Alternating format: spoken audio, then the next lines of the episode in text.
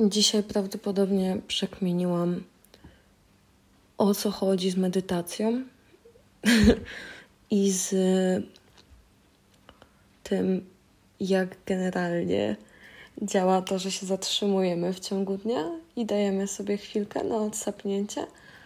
I wiecie, to jakby jest takie niby oczywiste.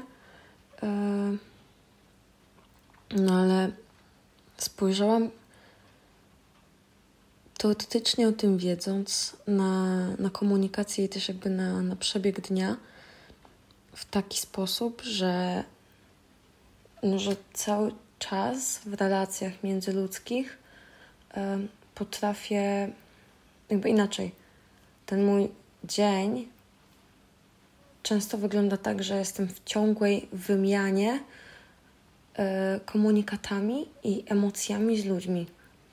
No i to jest cały czas takie odbijanie piłeczki do siebie, odrzucanie jej.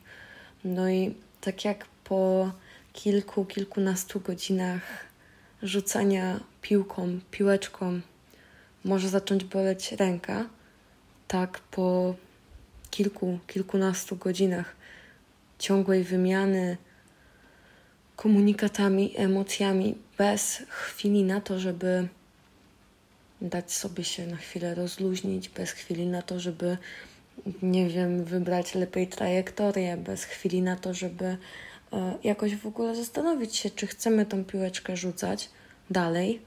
E, bez tego w pewnym momencie zaczyna nas boleć, zaczyna nas męczyć, zaczyna nas uwierać. No i to jest w sumie jasne i logiczne, bo boli fizycznie, kiedy rzucamy piłeczką i to jakby no, jesteśmy w stanie przetworzyć i przyjąć do siebie i to jest niby taka no, mądrość życiowa, jaką się nabiera gdzieś mniej więcej na początku życia. E,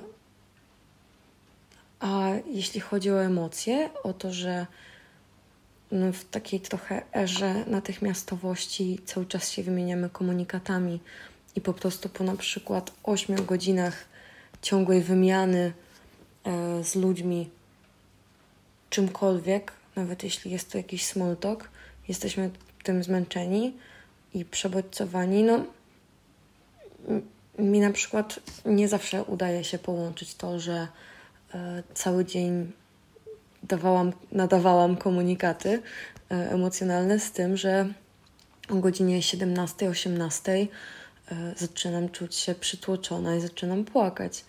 I no, pomimo tego, że, że teoretycznie to mogłoby się wydawać logiczne, tak w praktyce, no ja tego nie łączyłam.